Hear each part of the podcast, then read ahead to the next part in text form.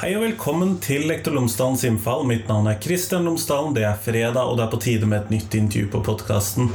Denne gangen snakker jeg med førsteamanuensis Tom Sverre Tomren fra Høgskolen på Vestlandet, hvor han jobber for Institutt for pedagogikk, religion og samfunnsfag. Og Vi skal rett og slett snakke om hvordan vi operasjonaliserer bærekraft i KRLE-faget og RE-faget, altså religion og etikk på videregående. Og det tror jeg kan være nødvendig. I hvilken grad skal vi se på religionenes perspektiv inn i dette? Dreier det seg om etiske perspektiver? Hvordan ser vi på operasjonalisering av bærekraft i disse religionsfagene? Så det kommer nå. Ellers, podkasten er som alltid sponset av Cappelen Dam Utdanning. Og hvis du går inn på skolen.cdu.no, så finner du alle de oppleggene som Cappelen Dam Utdanning har laget i forbindelse med fagfornyelsen i grunnskolen. Alle fag, alle tema, alle årstrinn, alt sammen, det finner du der. Skolen.cdu.no. Her kommer intervjuet med Tom Sverre. Vær så god.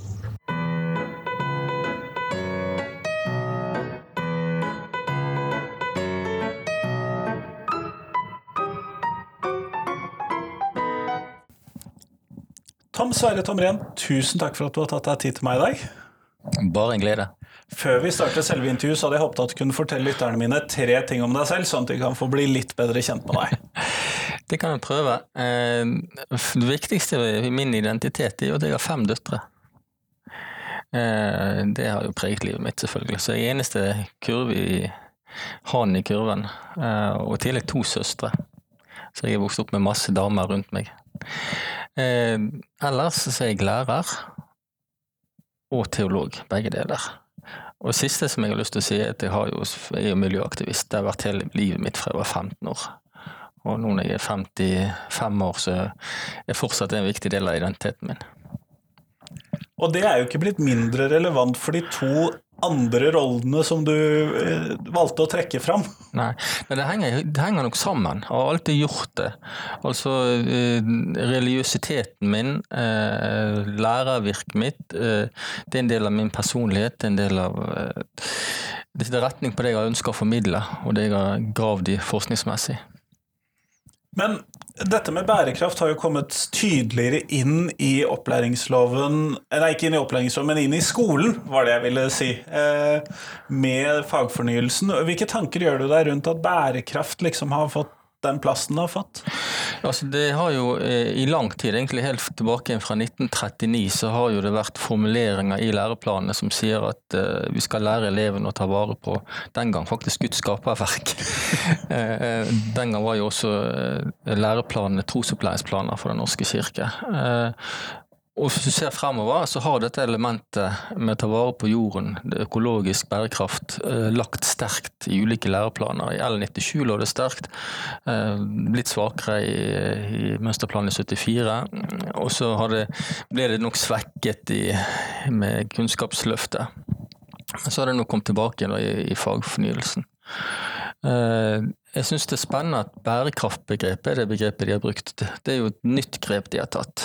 Ja, for Man kunne jo valgt en del andre begreper også for å få liksom fram noe av det samme. Ja, altså miljølære er jo eh, naturglede. Altså Det er mange ting en kunne brukt som inngang til dette. Men bærekraftbegrepet er jo mye mer komplekst. Sant? tydeliggjort med FNs 17 bærekraftsmål, eh, som spenner jo over et bredt saksfelt. Altså Det er på mange måter eh, en oppramsing av alt som gjør verden bedre. og alt dette loses inn i bærekraftsbegrepet. Eh, og det er jo fordi at en anerkjenner mer og mer at økologi, miljøvern, det som vi kaller for økologisk bærekraft, er komplekst. En kan ikke så lett eh, skape økolog, et økologisk bærekraftig samfunn uten å se på andre tematikker samtidig, sånn som sosial rettferd f.eks. Altså mine studenter, Jeg har jo vært i Afrika og opplært prester eh, på Det teologiske instituttet i Kamerun. Uh, og det har brent seg fast med en av mine studenter sier til meg det at hør her, her står du og snakker om miljø. Så kommer du kjørende ned med en firehjulstrekker, du har mobilen din og laptopen min, og så snakker vi om miljø, og så sier du til min bestemor som hugger i naturreservatet, og forbruker mindre CO2 i løpet av hele sitt liv enn du har brukt i løpet av en uke, at hun skal skjerpe seg. Og Da er du inne på dette med rettferdighet. Og sosial bærekraft. Eh, så disse tingene må løses i fellesskap. Det kan ikke bare være bærekraft for naturen, eller bare ut ifra en standard som eh, Vesten setter, da? Nei, eh, en er nødt Altså selv om en skal ha som mål å få skape et globalt samfunn der vi ikke overforbruker naturens ressurser, så er en nødt til å balansere rettferdighetsaspektet. Det er ikke mulig å få det til ellers. Eh, Afrika kommer ikke til å akseptere at vi skal ha den levestanden som vi har, og de skal eh, leve ved hjelp av sykler, eh, uten tilgang på teknologi, uten tilgang på industri. Nei, for vi må jo da antagelig bli enige om en eller annen felles ramme eller felles linje å legge seg på, da. Det kan jo bli utfordrende. Ja, er, På et vis er jo det politikerne sin oppgave å skape de offisielle rammene. Men en ting er jo hva politikerne vedtar. En annen ting er jo hva som foregår faktisk i lokalsamfunn og på individuelt nivå. Uh, og der er jo det spenn, i hvert fall i, de fleste samfunn i verden, som er langt mindre regulert enn, vi er i Norge. Norge er jo litt sånn vedtar storting, regjering noe, så kommer det inn i et EU-direktiv, og så gjør vi det på et eller annet vis. Men de fleste land i verden er jo ikke skrudd sammen sånn. En er nødt til å bygge nedenfra, få med seg folk. Men En av de perspektivene som jeg tenkte vi skulle snakke om her i dag, var jo hvordan kan religionene bidra inn til bærekraftsundervisningen, eller det, det temaet bærekraft i skolen. Og så tenkte jeg jo i utgangspunktet på at vi skulle snakke om dette innenfor rammen av religionsfaget, men kanskje vi også kan være litt på utsiden av religionsfaget som tema. Hvordan tenker du at religionene kan bidra inn i dette? For det første så har jeg jo ikke lyst til å avgrense til religioner. Jeg snakker om livssyn. Eh, for det at vi har jo alle sammen et, et livssyn. Når vi snakker om religioner, så stivner vi litt fort i formene. Og Da blir det gjerne disse siloene, disse størrelsene? Ja, ja, da går vi inn i bokser og firkanter, eh, men eh, det levde livet er ikke der. Eh, verken i kirken i Afrika eller Den norske kirke eller Human-Etisk Forbund. Vi er levende mennesker som møter andre levende mennesker som reflekterer over hvordan tilværelsen henger sammen. Og Så leter vi etter tolkningsnøkler, og så leter vi etter hjelp til hvordan vi skal leve etisk. Det er der det kommer inn. Altså jeg tenker Religionene har en ressurs eh, når han brukes rett og utforskes rett, til å hjelpe folk til å tolke tilværelsen, møte den utfordringen vi altså Mange ungdommer er livende redd klimakrisen. Det, det, klimadepresjon og klimasorg er jo liksom en av de store tingene innenfor ungdomsfolkehelse nå, i Vesten. Eh, der har religion noe å tilby. Altså som lys i mørket, så å si, for å bruke bibelske metaforer. Eh, og så har det noe å tilby i forhold til å gi etisk retning.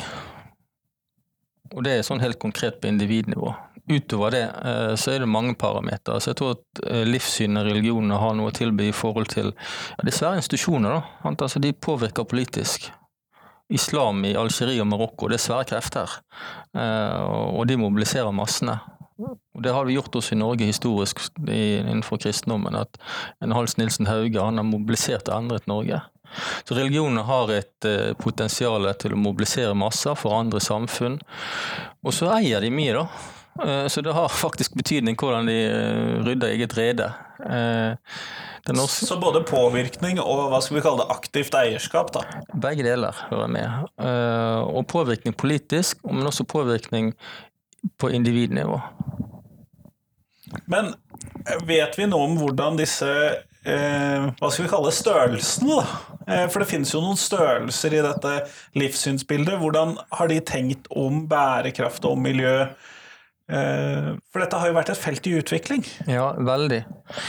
Eh, ja, Vi vet jo mye om det. Det er jo et av de store forskningsfeltene. Og faktisk innenfor de kristne kirker, for å bruke det som eksempel, siden jeg kjenner det aller best, så er det et av de store satsingsfeltene. Den norske kirke, for å bruke det, det eksempelet jeg kjenner aller, aller best, siden jeg skrev doktorgraden min om det, og siden jeg har vært aktiv i, i det samfunnet, eh, de har jo dette som en av sine hovedsatsingsfelt. Uh, og de har flere ansatte sentralt, og det lages komiteer på bispedømmenivå, altså regionalt nivå, og det lages også en del lokale komiteer. Eh, så det å tolke religiøsiteten sin grunn og utforske hvordan den kan bidra til bærekraft, eh, det, det er et svært satsingsfelt for de kristne kirkene. Og det er ikke bare i Norge, det er over hele verden. Det finner The Green Anglicans, og du har grønne katolikker, grønne presbyterianere, og grønne konservative kristne og grønne liberale kristne. og Da har de alle, alle varianter og nettverk. Det hørtes litt ut som en sånn lokallag av Miljøpartiet De Grønne. Når de kalte Ja, sa det. jeg vet ikke om du skal sitte i et lokallag av Miljøpartiet De Grønne, men mange Jeg tror nok hvis du undersøker medlemsmassen i, i MDG f.eks., som et nytt parti har vokst frem, så vil du finne det at eh, mange finner sin plass der. Altså det at KrF ikke er et naturlig førstevalg for mange kristne i dag, det er det nok ikke. Nei, det kan jeg jo tenke meg. Men det er jo så lett også når man eh, ser på Når jeg som religionslærer da skal se liksom på hva tenker kristendommen eller islam eller andre religioner og livssyn om eh, om miljø eller om naturen eller noe sånt, så er det veldig lett å lande på forvalteransvaret som et prinsipp, og så ikke se utover det. Ja, og- det er jo fordi det en gjerne har lest om i avisene. Eh, Det handler, I vår sammenheng så handler det om forvalteransvaret eh, tidlig ble lansert som et begrep på hvordan kristne skal forholde seg til natur- og miljøvern. Men det begrepet har historisk sett, det kommer ikke fra den økologiske sektor. Det er et begrep som ble interessert i amerikansk kristenhet, i amerikansk vekkelsesforkynnelse på 1800-tallet, eh, hvor forkynnerne reiste rundt og snakket om forvalteransvar fordi de hadde behov for å finansiere kirkedriften sin. De kom fra Europa som flyktninger, installerte seg i Amerika, ingen statskirke, ingen økonomiske rammer, og så måtte de ha penger til kirkedrift. Og dermed etablerte de en forkynnelse som de kaller for forvalteransvarsforkynnelsen. Eh, og så har den her gått ned gjennom historien og levd i Amerika, og etter hvert blitt transformert til Europa. Men da fikk han en litt annen farge, nemlig i retning av sosial rettferdighet. Så forvalteransvaret ble vridd inn mot at en skal dele med de som er fattige i verden. Men når du kommer til 1967-1968, så skjer det noe. Da kommer det plutselig en del eh, teologer og fagteologer og forkynnere som begynner å bruke det begrepet inn mot miljø. Ja, for det er jo der jeg oppfattet at dette begrepet var, så det du fortalte meg før dette, var jo for min del noe ganske nytt. Ja, nei, Det er derfor jeg eh, prøver å, å tegne et bilde av det. For dette forvalteransvaret, hvis du tar Bibels utgangspunkt, eh, det er ikke et begrep som er brukt om naturomgang. Det er et begrep som er brukt om hvordan en skal forvalte penger, og hvordan en skal forvalte nådegavene sine, altså til vekst for den kristne menigheten. Men så ble det transformert og brukt tidlig på slutten av 60-tallet som et begrep for nat kristen naturomgang. Men eh, hvis du går og begynner å studere din bibel, så vil du se at eh, økonomer, eh, som begrep som ligger bak, eh, det er ikke brukt om naturomgang. Så det er et, en ny teologi. Og det finnes mye sånn ny teologi som dette som utvikles. Det er ikke bare det. Men det slo tidlig inn, og dermed så har det fått en dominerende plass i forkynnelse og i det som kommer ut i media. Det er jo egentlig veldig interessant i seg selv, da. For jeg oppfatter jo det som en sånn selvfølgelig del av eh, kristent natursyn, og så kan jeg være enig eller uenig med om man har fokusert forvalteransvaret rett eller galt over tid, men jeg trodde jo at dette var et mye eldre begrep. Nei, det er nok ikke det. Ikke i denne sammenhengen her. Så er det, det. Men idérekken, og den finnes jo i kristendom og islam, den er jo som følger at Gud har skapt naturen, at Gud har skapt mennesker og gitt dem spesielt etisk ansvar, men også en viss frihet i forhold til naturen. At naturen ikke er menneskets eiendom, så å si. Altså Forvaltning betyr at du forvalter på vegne av noe eller noen. Det skal gis videre og ikke arves videre? Ja, du kan i hvert fall ikke bruke det opp til eget forgodtbefinnende. Du står ansvarlig for noen, og du skal gi det videre til noen andre. Men hvilke perspektiver hentet fra disse religiøse perspektivene tenker du at det kan være nyttig når vi skal tenke om etikken og tenke om bærekraften i skolen? Er det noen sånne perspektiver du ville trekke fram som særlig viktige? Jeg tenker at en skal jobbe med mangfoldet som fins. For det at i KRLE-faget, der bærekraft skal inn, f.eks., så er jo det formuleringer som sier at bærekraftsbegrepet, eller tenkningen om bærekraft, skal knyttes inn i den eksistensielle forståelsen. Altså så å si inn i livssynet til elevene. De tingene skal møtes.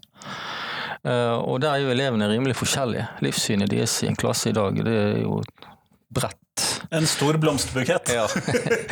Eh, så derfor det å presentere de for mangfold av motiver og mangfold av aktiviteter og tiltak som religiøse aktører og livssynsaktører gjør, det tror jeg eh, vil skape noe i elevene. Jeg gjorde en undersøkelse på de her klimastreikende ungdommene her for et år siden. Eh, der jeg intervjuet 88 ungdommer som gikk på klimastreik, og spurte om de hadde hatt om klima og miljø bærekraft i KRLE-fag, og det var nesten det var 10 som sa det. De hadde gjort det. 80% eller sånn snakker om naturfag og samfunnsfag. Og de aller færreste knytter dette til sitt livssyn. Så det blir et sånt vakuum. Det er som om at livssyn og religion ikke har noe med det som de opplever som eksistensielt vanskelige problemstillinger. Og dette er jo, Hvis det er noe jeg kan snakke om som en eksistensiell problemstilling, så er det jo hvordan skal jeg og barna og barnebarna mine leve på denne planeten? Ja, og så er de redd. Altså, de er faktisk fysisk redd. Vil vi, skal vi ha barn? Er det verdt å leve? Altså, Så store tematikker er det for mange av ungdommene i dag. Eh, så dette er eksistensielle problemer, og det oppleves sånn av ungdommen også. Så det, det, å hjelpe dem til å sitte dette inn i en tolkningsramme, eh, både som bærer mening og som gir dem retning, hjelp til hvordan de skal leve, eh, det tenker jeg at KRLE-fag kan bidra med. Og det er helt i tråd med formuleringene i det som KRLE skal bidra med inn i bærekraftstenkningen. Jeg hører jo at det kan bli noen relativt dype, men også krevende samtaler å skulle lede i klasserommet. da. Mm. Hvilke tanker gjør du deg rundt det? Det kan vi jo si litt sånn generelt om KRLE-faget. Altså, KRLE-faget har jo gått i ulike faser.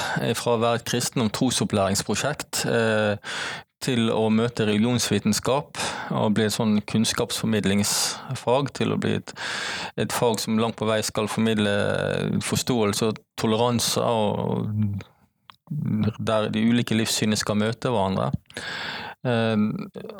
Så har jo det vært, det vært vanskelig for lærerne. Mange av de har stått gjennom hele den prosessen. Altså, lærere på min alder de har vært med hele veien. Eh, fra 1974 til nesten til kvasi-trosopplæring til i dag, hvor det er stort fokus på toleranse og mangfold. Eh, så det å skape arenaer hvor elevene faktisk kan snakke ærlig og trygt sammen, det tenker jeg er en utfordring for KRLE-faget. Uh, ikke, ikke, minst en utfordring for lærerne, for det har vært så voldsomt store endringer i hva faget skal være. Ja, for man, jo, man, har jo fått sin fagopplæring i Selv jeg har jo fått min før dette nye faget, sånn at det er jo noe annet. Ja, det, det, så det, det still, vi, vi, må lete etter nye metodegrep. Og hvordan det best skal gjøres, det, har, det tror jeg ikke er noe helt svar på ennå. Uh, filosofisk samtale er jo trukket frem som et sånt uh, begrep som er, som en bruker overalt, det er jo en amerikansk bevegelse, egentlig. Men jeg er ikke sikker på at nøkkelen ligger der, egentlig. For det er veldig sånn intellektuelt innretta. Religion de, de krever, og livssynet de krever emosjonell, det krever praksis, det krever deltakelse av hele mennesket. Eh, men det å skape sånne gode samtaler jeg tror det blir en viktig oppgave for lærerne. så Man har kunnskap, sånn at en vet hva slags ting en skal snakke om, eh, hva en skal utfordre gruppesamtale på. Eh, kanskje Jeg har tro på å komme seg ut av klasserommet også, da. Og faktisk se hva religiøse aktører livssynsaktører gjør. Få se eksempler. Bruke det som basis for samtaler. Og la det få møte levende mennesker som gjør noe. Hva slags møter tenker du på da? Skal, hva, hva, skal vi da gjøre? Har du noen, noen sånne eh, mer umiddelbare forslag til hvordan vi da kunne gjort det? Ja, ja altså klasseekskursjon til eh, en menighet som er grønn menighet. Vi lar dem få vise solcellene og cellene sine og eh, planene sine for miljø. La dem få vise eh, kildesorteringen. Eh, få snakke om hva de gjør med konfirmantene for å lære dem opp i miljø. Få snakke om hva misjonen gjør for å jobbe om miljø. Og så gå hjem og lage prosjekter og snakke om dette etterpå. Og gjerne sammenligne det med ting som du finner da, f.eks. i Humanitisk Forbund, at det har vært på ekskursjon der. Eller altså buddhistene. Eh, det er et sånt eksempel. En av de tingene som jeg syns har vært litt gøy å se, det har jo vært utviklingen av hva skal vi kalle kirketakvennlige solcellepaneler, sånn at Ja. de ser ut som de gamle flisene de hadde på taket likevel.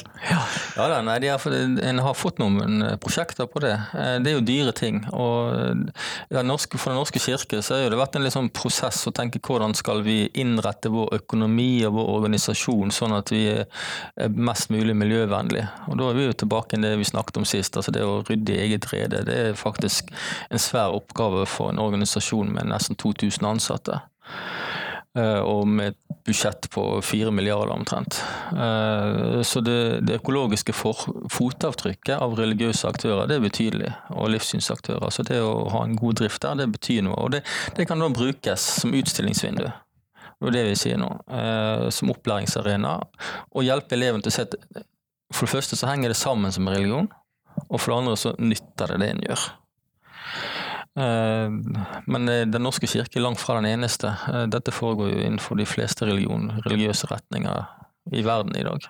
Men kunne man ikke se for seg at For at vi har jo noen sånne litt mer sånn endetidsorienterte religiøse retninger, stort sett innenfor de fleste eh, grupper og livssynsgrupper, som man kunne tenke seg at det er ikke noe vits å gjøre noe med dette fordi man skal videre til en ny verden, eller den typen, ja. at den typen perspektiver vant fram.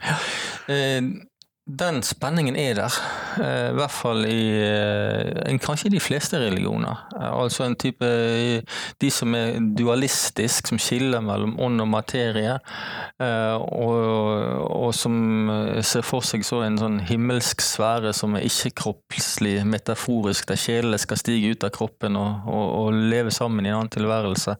Det er jo en impuls som fins i de fleste religioner, og jeg vil faktisk også si inn i ateismen. Jo, og det, det er derfor jeg prøvde å være litt bred i spørsmålsformuleringene. Ja.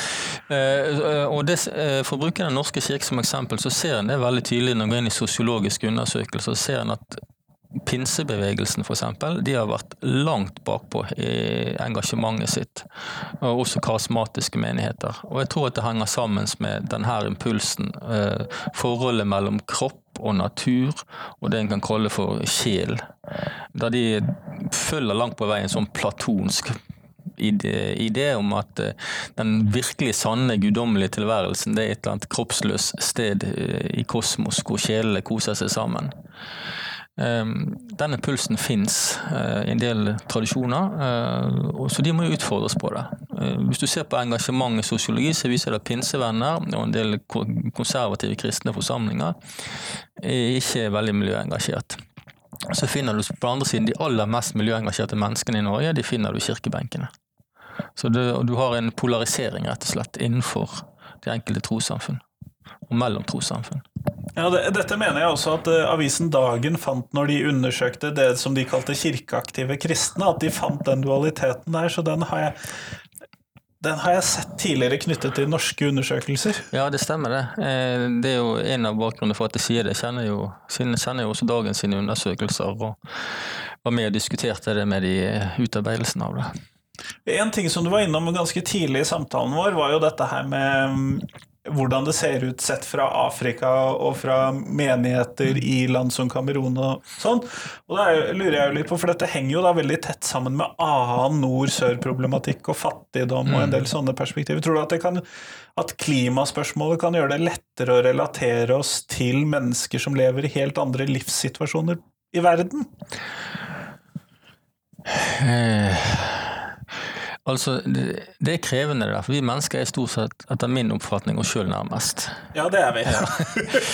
Eh, og, og, og det å forstå at det livet du gjør, den sydenturen du, du tar, eh, og shoppingturen din i London, at den påvirker mennesker som lever i Afrika, det, det er ganske krevende å, å komme dit. eh, Både emosjonelt og også intellektuelt. Eller kanskje lettere intellektuelt enn emosjonelt, og aller vanskeligst å ta konsekvensen av det. Eh, men jeg, jeg tror jo det, i hvert fall innenfor uh, misjonsorganisasjonen og det pietistiske Norge, så har det vært tette bånd mellom den tredje verden og Norge og bedehusene. De har en tradisjon for å løfte inn eh, formidling fra det som foregår i Afrika, inn i kirker, inn i bedehus. Og personer også, faktisk. Eh, det er utveksling. Det er afrikanske studenter som kommer til Norge, som reiser på turneer, reiser i kirker, er studenter på video- og misjonshøyskoler, hvor som helst, som representerer disse fortellingene. Eh, så det å skape de møtene der, det tror jeg dette kan hjelpe oss til. Ja, jeg tror vi mennesker er best på det når vi kjenner noen, så er det mye lettere ja. å forholde oss til ja, at de finnes. Det er jo sånn vi er skrudd sammen, dypest sett. Altså, vi, er, vi, er, kropper, og vi ser hverandre, og vi tar på hverandre, og, og, og da skjønner vi at dette er virkelig. Eh, men eh, en helt annet enn å lese om det i et avisartikkel, eller da er det glemt inn i ene det andre. Eller en Facebook som ruller forbi. ja, for det er jo litt lett at det bare ruller sånn, ja. ja og aller, aller bedre er jo selvfølgelig at folk faktisk ser hva som skjer, og ser kirkenes engasjement i Afrika. Så, så jeg, jeg, har veldig tro på å presentere ikke bare religiøse aktørers arbeid i Vesten, men der de kjenner dette mest på kroppen. Og for mitt tilfelle er det Kamerun og Afrika som er min nærmeste arena. Så jeg skriver og argumenterer for det at eh, en bør trekke det inn i KRLE-undervisningen. En ny type misjonsformidling som handler mer om klima og miljø og hva kirkene og menneskene gjør i den sørlige delen av verden. Som aktører, ja. Mm. Mm. Men når vi da skal se på dette, se på bærekraft som en del av eh, skolen, og vi skal lære dette bort og se på ulike perspektiver. Du har jo trukket fram praksis som en av disse, mm. noe som du har tro på som pedagogisk metode. Men er det noen sånne andre pedagogiske perspektiver vi lærerne i hvert fall må ha i tankene da, når vi skal gjøre dette her og vurdere dette her? Uh, pedagogiske perspektiver altså det er jo, En må jo ha kunnskap om hva som faktisk skjer. Og Når jeg har studert lærebøker, så er det veldig lite stoff om dette. Eh, I hvert fall de utgående lærebøkene. Nå kommer jo det nye på den nye læreplanen, men utgående lærebøkene så finner du nesten ingenting. Eh, så da både lærebokforfattere og lærere må sitte seg inn i hva religionene gjør. Det mangfoldet som finnes av teologiske motiv og praktiske eksempler. Eh, sånn at en kan presentere dette for elevene. Og så har jeg også tro på det å diskutere for å si det litt komplisert, et teologisk motiv. Altså forvalteransvaret opp imot uh, Gaia-metaforen, f.eks. Uh, mot moder jord, mot livsvev, mot uh, uh, himmelriket, mot legemets oppstandelse. Så er det mange ting som kan kjøres opp mot hverandre og kan skape spennende samtaler. Og da kan man jo flette inn også disse etiske perspektivene om hvordan vi da behandler eh, vår neste eller naboen, eller hvilket begrep vi skal putte på ja, det. det. Etikken ligger jo i forlengelsen av dette. Men jeg kan godt begynne med etikken, og gå inn og se på praksis først. Det er ingenting i veien for det, og så gå derfra så over i eh, hva skal jeg si, teologien. Det er ikke noe automatikk at en skal begynne med teologi og tankestoffet for så å begynne å gjøre noe. Det er litt sånn klassisk, klassisk eh, tenkning som vi har med oss. Men, og lærebøkene er jo innrettet ja, sånn også. Ja, ja. Men eh, jeg har litt tro på å gjerne begynne andre veien. La dem få lov til levende mennesker, se hva de gjør, se hva utfordringer en møter, og så begynne å reflektere derfra ut. Nettopp, nettopp. Kunne dette da være en god Og nå bare tenker jeg høyt sånn ut ifra hva du har sagt, men kunne dette være en god idé å samle noen eh, livssynsledere f.eks. i Byhagen i Bergen, og så ha en samtale om perspektiver på natur og miljø i en sånn type arena? Da? Tror du det kunne være en god idé? Eh, det er kjempe knall i padden, som vi sier i Bergen. det er kjempeidé. Eh, men utfordringen på sånne prosjekter som lærer, er at eh, du, du, har jo ikke ressurser til å få det til. Så da snakker vi gjerne om litt større prosjekter hvor en må samarbeide over tid. Men å lage en sånn samling en gang i året eller innimellom, det skulle jo være mulig. Og særlig hvis flere skoler samarbeider. Eller så kan en jo lage dette som også som filmmateriale. Eller gjøre det digitalt. Nettopp, nettopp. Og det er jo da en utfordring for hva skal vi kalle organisasjoner som Samarbeidsrådene for tros- og livssynssamfunn, som kanskje ville være de naturlige at skulle lagd noe sånt. Mm. Ja, den er en viktig aktør. Uh, men uh, uh, hva skal jeg si Det er jo de som er med der, som må sitte agendaen. Vi andre vi er jo små fisker. Men Samarbeidsrådet for tros- og livssynssamfunn var jo med og, og lagde en konferanse her på Høgskolen i Vestlandet med religionens rolle i bærekraft og inn mot undervisning, så de er jo på ball. Mm. Men og det, jeg vil litt tilbake til denne lærebok, for du har jo undersøkt disse lærebøkene, og så sier du at det er relativt tynt om dette. Uh, men er det noe som, Har de fått med noe mer enn type, sånn type, å nevne forvalteransvaret, eller er det så tynt at det ikke er med heller? Nei, ikke når det gjelder religioner. Eh, flere av lærebøkene har jo, og det handler om den gamle læreplanen hvor etikk var eh, og det er jo for så vidt fortsatt satt på siden av religioner. Så det løsrives. Eh, jeg syns jo det er et veldig merkelig grep. For etikk er i mitt hode en innvevd del i religionenes dogmatiske refleksjoner inn i hele tankesystemet, inn i praksissystemet. Men eh, læreplanen og læreboken er ikke rigga sånn. Så dermed så får du egne kapitler som handler om miljøetikk. Og jeg har sett f.eks. en lærebok som presenterer økofilosofien som et alternativt livssyn. Ja, det husker jeg. Den har jeg sett. ja, Og det er jo helt merkelig. Altså Økofilosofi med Arne Næss og Økosofi T. Han understreker tvert imot at økofilosofi er noe som en, si en impuls som finnes i alle livssyn. Og kan finnes i alle livssyn, men man var enig om åtte til tolv parameter. Eh, men nå på å fremstille det som et alternativ til humanisme eller til kristendom, eh, så fremstiller det som at dette ikke er tema ikke et agenda. At det livssynet du har, ikke er relevant i forhold til de problemstillingene som verden står overfor nå. Så, så, det er jo destruktivt.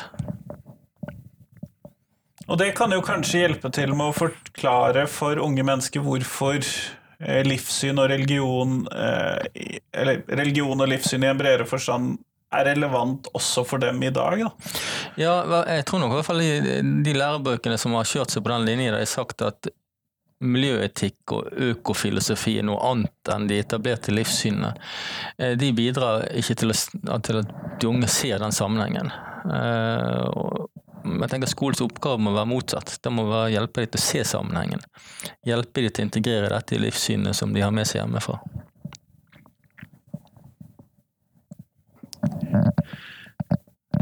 Tom, vi går mot slutten her, og så lurer jeg jo litt på når vi da skal prøve oss å ta alt dette, hele dette, for det er et relativt stort tema. Hva tenker du er særlig viktig for lærerne når de da, f.eks. i KRLE, når de skal undervise om disse perspektivene vi har snakket om? Hva tenker du er det veldig viktig at lærerne tenker på?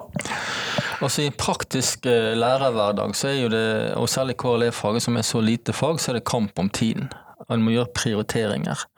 Og Det som jeg frykter som er verst case-scenario for meg, nå når vi har fått bærekraft inn som et tverrgående tema, og da med fokus på grønn bærekraft, eh, det er at dette blir redusert til en temauke. Der en slår sammen masse fag, og så har en det som er tema en uke eller to.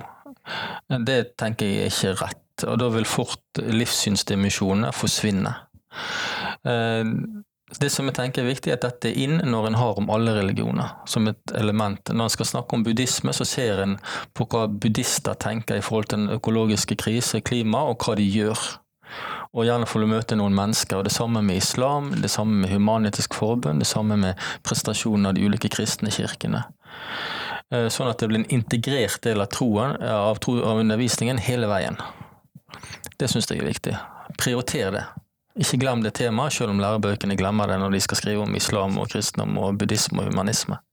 Ja, det er jo en utfordring vi ofte har i fag, og det er særlig små fag. Så det å huske på alt det som læreboka ikke har nevnt. ja, ja, og stille spørsmålet inn. Altså, det, det, er jo det det handler om.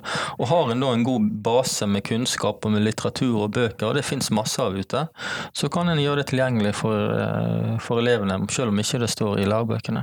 Det høres jo ut på hva du sier også, som at det også som lærer å bygge opp et nettverk til å kunne hente inn ressurspersoner som du vet at du liksom kan bruke en gang i året eller to ganger i året til å komme inn og snakke om temaer, er viktig, da?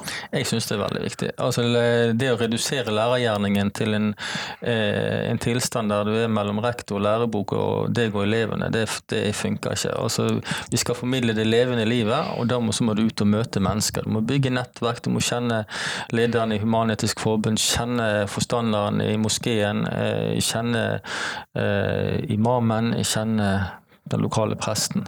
Og trekke det inn. Bruke dem aktivt. Vi er nå helt på tampen av podkasten, og da skal jeg selvfølgelig stille deg det samme spørsmålet som jeg stiller til alle jeg intervjuer. Og hva er de tre viktigste tingene som skolen lærer elevene?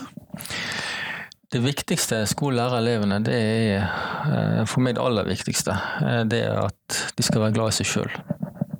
At de skal få en trygg identitet. Eh, en lever i en presset verden, som presset av kommersielle krefter, som presset av destruktive krefter. Og det å la elevene få den selvtilliten, selvopplevelsen av at de har en unik verdi, det tror jeg er det aller viktigste. Eh, så tror jeg også det å lære dem respekt. Hvem er så med neste? Eh, og den, Det neste begrepet ønsker jeg å utvide, sånn at ikke det bare er naboen. Eh, og ikke det bare det samme det mennesket som går i det livs- og trossynssamfunnet du tilhører, men alle mennesker over hele jorden, og også andre arter. Og så er det siste å sitte dem i stand til å forandre samfunnet til noe bedre. Det syns jeg også er viktig. Gjøre dem til demokratiske borgere miljøengasjerte borgere, for min del er viktig, eh, som transformerer samfunnet. Som bidrar til, til å ta de grepene som vi er nødt til å ta som globalt fellesskap. Kjempeflott. Tusen takk for at du tok deg tid til meg i dag, Tom. Veldig kjekt. Ja.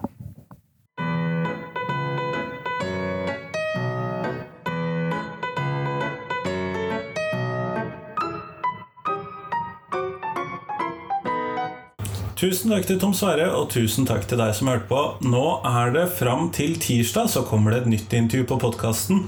Og da handler det om hvordan vi tilpasser skolen for de av barna som eh, bor i fosterhjem, er i barnevernstjenesten osv. Så sånn at da prater jeg med Silje Sveum, som er styreleder for Barnevernsbarna, og som også jobber som erfaringskonsulent der. Ellers, dette er jo en av mine siste fredagsepisoder på en stund. Eh, jeg håper at du har satt pris på at det har kommet to i uken. Også når vi nå ifra med oktober eh, roer ned til én i uken igjen, så kan du kanskje bruke anledningen til også lytte på noen av de gamle episodene. For du har vel ikke hørt alle 375 episodene? Jeg eh, håper ikke det. I så fall har jeg tatt litt mye av tiden din, men jeg er veldig glad for det i så fall. Men eh, gå tilbake. Jeg er helt sikker på at du finner noe mer interessant å høre på i back-katalogen. Også hvis noen hørte en bjelle, så var det en av husets tre katter. Eh, den tror jeg ikke jeg gidder å ta bort. Men nå får du ha en veldig fin helg. Hei, hei.